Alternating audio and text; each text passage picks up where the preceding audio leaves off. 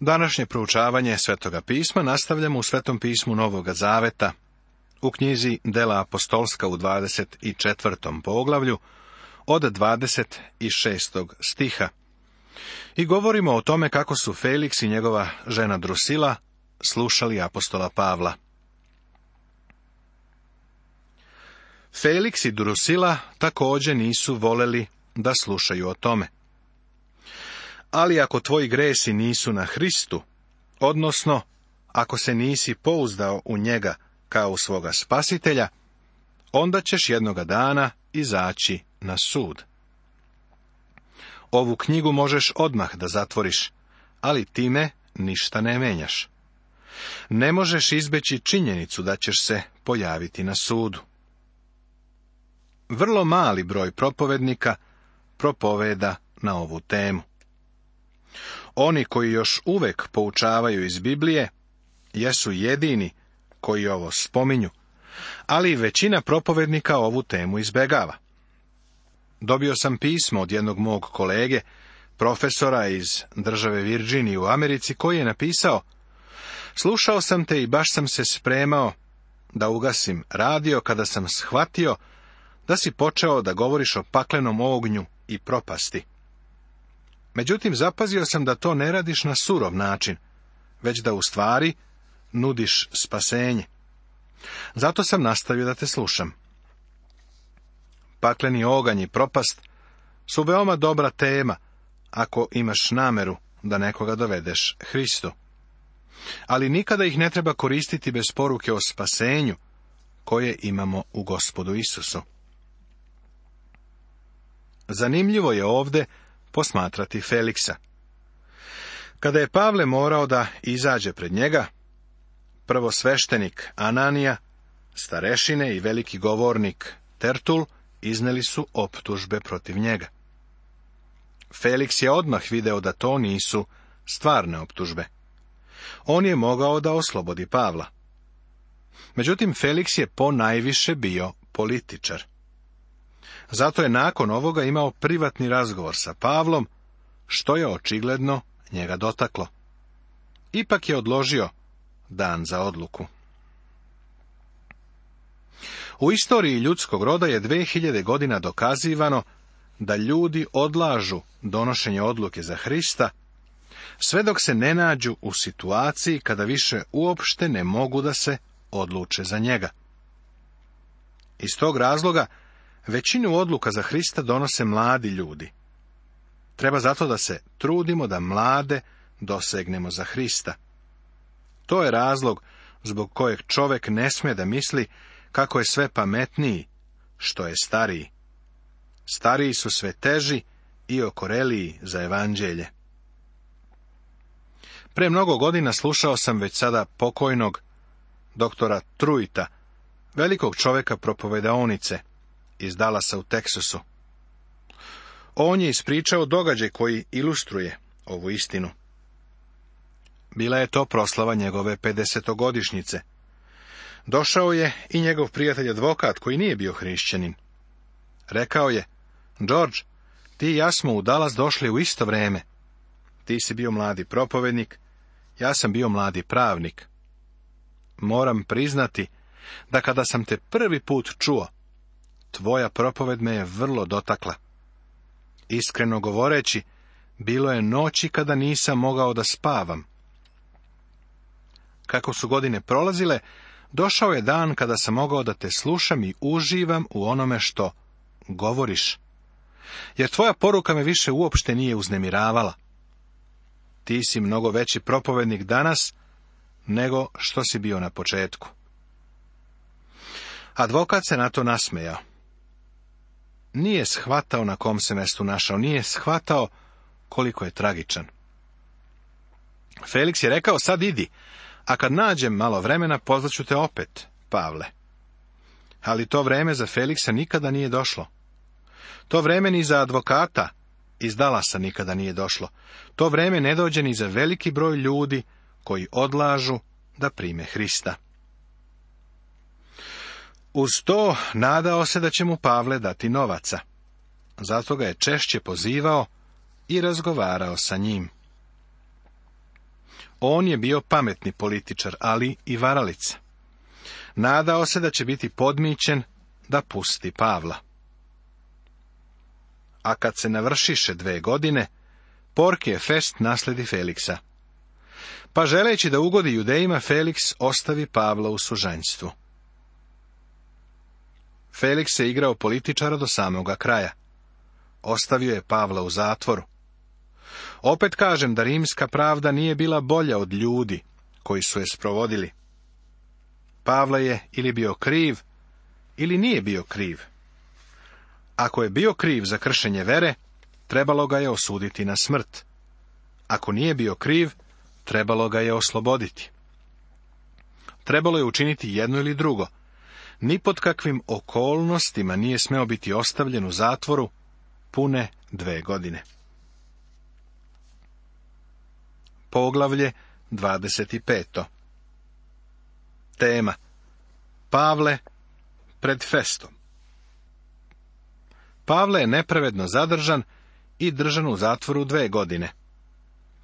Fest je sada novi namesnik koji je nasledio Feliksa sada će se Pavle pojaviti pred ovim novim namesnikom. Vidjeli smo Pavla pred masom ljudi na stepenicama dvora u Jerusalimu. Vidjeli smo ga pred Sinedrionom. Vidjeli smo ga pred Feliksom, a potom i u privatnom razgovoru sa Feliksom i njegovom ženom Drusilom. Očigledno je bilo i drugih sastanaka. Sada će se pojaviti pred Festom.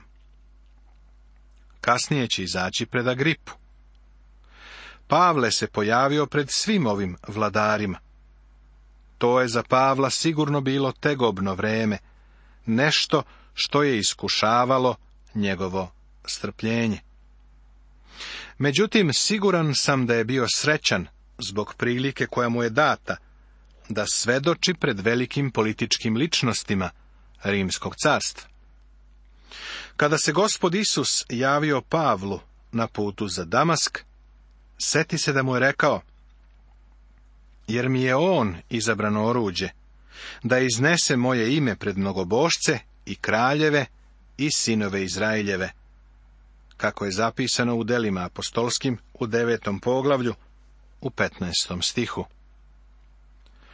Pavle se kreće u skladu sa Božijim planom i programom. Svaki put Pavle govori o onome što je gospod Isus učinio za njega. Govori to s velikim uverenjem i entuzijazmom. Pavle svedoči dobro svedočanstvo o Isusu Hristu. Iako je Feliks drhtao dok ga je slušao, njegova raskalašenost i pohlepa i požuda su nad njim triumfovali. Imao je svoju priliku. Slao je po Pavla mnogo puta, ali je želeo mito, a ne spasenje. Ove dve godine koje je Pavle proveo u tamnici, predstavljaju tihe godine Pavlovog života. Možda se sekirao, ne znamo to. Znamo da se u svemu ovome pokazivala Božja ruka i da su se njegovi ciljevi ispunjavali kako je ovo utešno za nas kad nam se čini da naše delo miruje. Pavle pred festom A kad je fest došao u ovu pokrajinu, posle tri dana iz Kesarije ode gore u Jerusalim, gde prvosveštenici i prvaci judejski istupiše pred njim protiv Pavla, i moljahu ga tražeći uslugu protiv njega, da ga sprovede u Jerusalim. Oni su postavljali zasedu da ga ubiju na putu. Fest, međutim, u odgovoru reče da se Pavle čuva u Kesariji, kuda i sam namerava uskoro da ide. Izgleda da je Fest shvatio njegovu situaciju. Mislim da mu je Felix ispričao o Pavlu koji je zatvoren i da mu je objasnio okolnosti. Siguran sam da je rekao Festu da ga je doveo u Kesariju, da bi ga zaštitio, da ga judejci ne ubiju. Tako, kada je Fest primio poruku od judejaca, koji su tražili da se Pavle sprovede u Jerusalim, on ovako kaže. O, neću da ga dovodim ovamo. Ja sam idem u Kesariju. Neću da se zadržavam u Jerusalimu. Evo još jednog Rimljanina koji je više voleo Kesariju nego Jerusalim. Pavlovi neprijatelji nikako nisu gubili vreme u nastojanju da dođu do novog namesnika i da izazovu da se donese presuda protiv Pavla. Ne znam da li je Fest stvarno bio svestan njihovog plana da naprave zasedu i ubiju Pavla.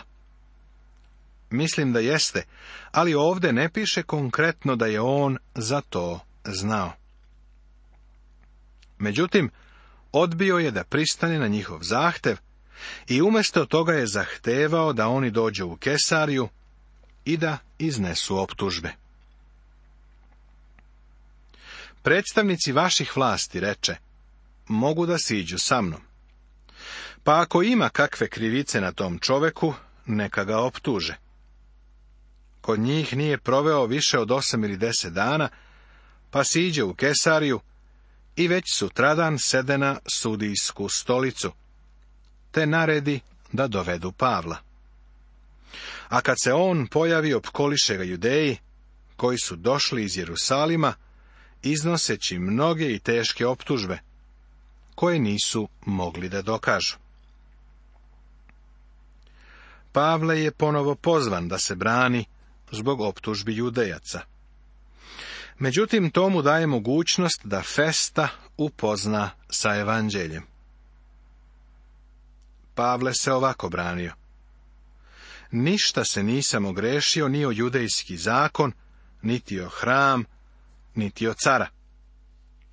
Fest pak želeći da pokaže svoje blagovoljenje judejima, odgovori Pavlu i reče, Hoćeš li da ideš gore u Jerusalim i da ti se onde o ovom predamnom sudi? I ovaj fest je još jedna ništarija. Pavle se nije našao usred jazbine lopova, već usred grupe ništarija. Na to Pavle reče. Ja stojim pred carskim sudom ovde treba da mi se sudi. Judejima nisam učinio nikakvu nepravdu, kao što i ti sasvim dobro znaš. Neki ljudi smatraju da je Pavle ovde pogrešio. Da nikako nije smeo da izađe pred cara. Misli da je trebalo da svoj slučaj ostavi pred Festom. Prijatelju, zar ne vidiš da je Fest nameravao da Pavla vrati u Jerusalim. Možda je Fest primio mito od judejaca koji su došli iz Jerusalima. Teško bih mogao da kritikujem Pavla zbog ovoga. Ne verujem da je ovdje pogrešio. Pavle je bio rimski građanin i u skladu sa tim tražio je svoja prava. To je bilo normalno za njega. Povratak u Jerusalim bi za njega značio sigurnu smrt. On od sebe nije smeo namerno da načini mučenika. To nije ni hteo. U stvari činio je sve što je mogao da to izbegne. Prijatelju, danas ima ljudi koji nose haljinu od kostreti, a Bog im je nije dao. Drugim rečima, nekako vole da su u mučeničkoj poziciji. Sreo sam znatan broj ljudi koji su mi rekli da treba da se radujem što imam rak, jer sada mogu da pretrpim za Hrista i možda da za Hrista i umrem. Pa mogu da ti kažem da ja tako ne mislim. Želim da se oslobodim raka, želim da živim. Kada neko želi da se obuče u kostret i da legne na hladnu kamenu ploču, mislim da je takva osoba mentalno ili duhovno deprimirana. Martin Luther je to probao pa je video da ništa nije postigao. Sjetit ćeš se da se samo dve godine ranije gospod javio Pavlu i obećao mu da će putovati za Rim, što je zapisano u 23. poglavlju dela apostolskih u 11. stihu. Upravo to se sada dešava. U Rim je otišao po Božjoj volji. Bio je u okovima, ali gospod mu nije rekao kako će dospeti u Rim. Ovo je bio Boži način za njega. Kada je Pavle pisao Rimljanima, rekao im je da se moli za to da ima priliku da dođe u Rim. Kako je zapisano u prvom i u petnaestom poglavlju poslanice Rimljanima. Verujem da je u Rim otišao po Božjoj volji. Ako sam pak kriv, ili ako sam učinio nešto što zaslužuje smrtnu kaznu, ne izbegavam smrt. Ali ako nema ništa od onoga zašta me ovi optužuju, nikome ne može ostaviti njima na milost i nemilost. Ulažem priziv caru. Ovde otkrivamo prizvuk nestrpljenja. Rim je bio čuven po svojoj pravdi, a Pavle je poštovao autoritet. Međutim, Pavle ne dobija pravdu, pa ulaže zvaničan priziv ili apel. Bog je imao nameru da Pavle koristi svoja prava koja je kao rimski građanin imao. Za nas je vrlo zanimljivo da uvidimo da Bog neke ljude vodi na jedan način, a druge na drugi. Neki drugi ljudi nisu mogli da se pozivaju na zaštitu koje je rimsko građanstvo pružalo. Poznavao sam divnog hrišćanina i njegovu ženu, koje je Bog materijalno blagoslovio. Izgradili su divan dom, dom koji sam uvek sa oduševljenjem posećivao. Taj čovek mi je rekao da se osjećao kao pod osudom, jer je imao tako lep dom, pa je želeo da svoj dom otvori što je moguće više za hrišćansko svedočenje. Pitao sam ga, da li si ikada stao i pomislio da te je Bog ovako materijalno blagoslovio i dao ti ovakav dom, zato što je znao da si ti čovek koji će ga iskoristiti za Boga. Potom sam nastavio. Samo napred. Mirno spavaj svake noći, znajući da si u Božjoj volji. Zahvaljuj mu za ovaj divni dom. Meni Bog nije dao takav dom, jer je očigledno da nema nameru da moj dom koristi za nešto tako. Šta je gospod za tebe učinio prijatelju? Šta god da je, treba da ga iskoristiš za njega. Ako si na političkoj poziciji, tu poziciju treba da iskoristiš za njega. Ako ti je gospod stavio nešto u ruke, upotrebi to za njega.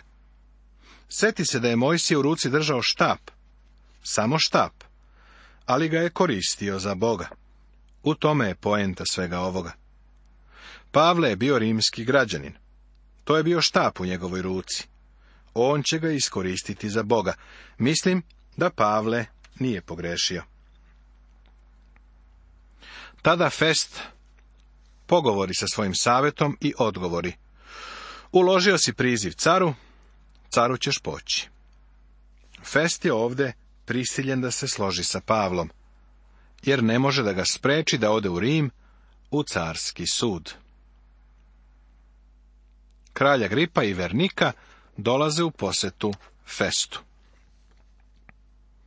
A kad je prošlo nekoliko dana, kralj Agripa i Vernika dođoše u Kesariju da pozdrave Festa.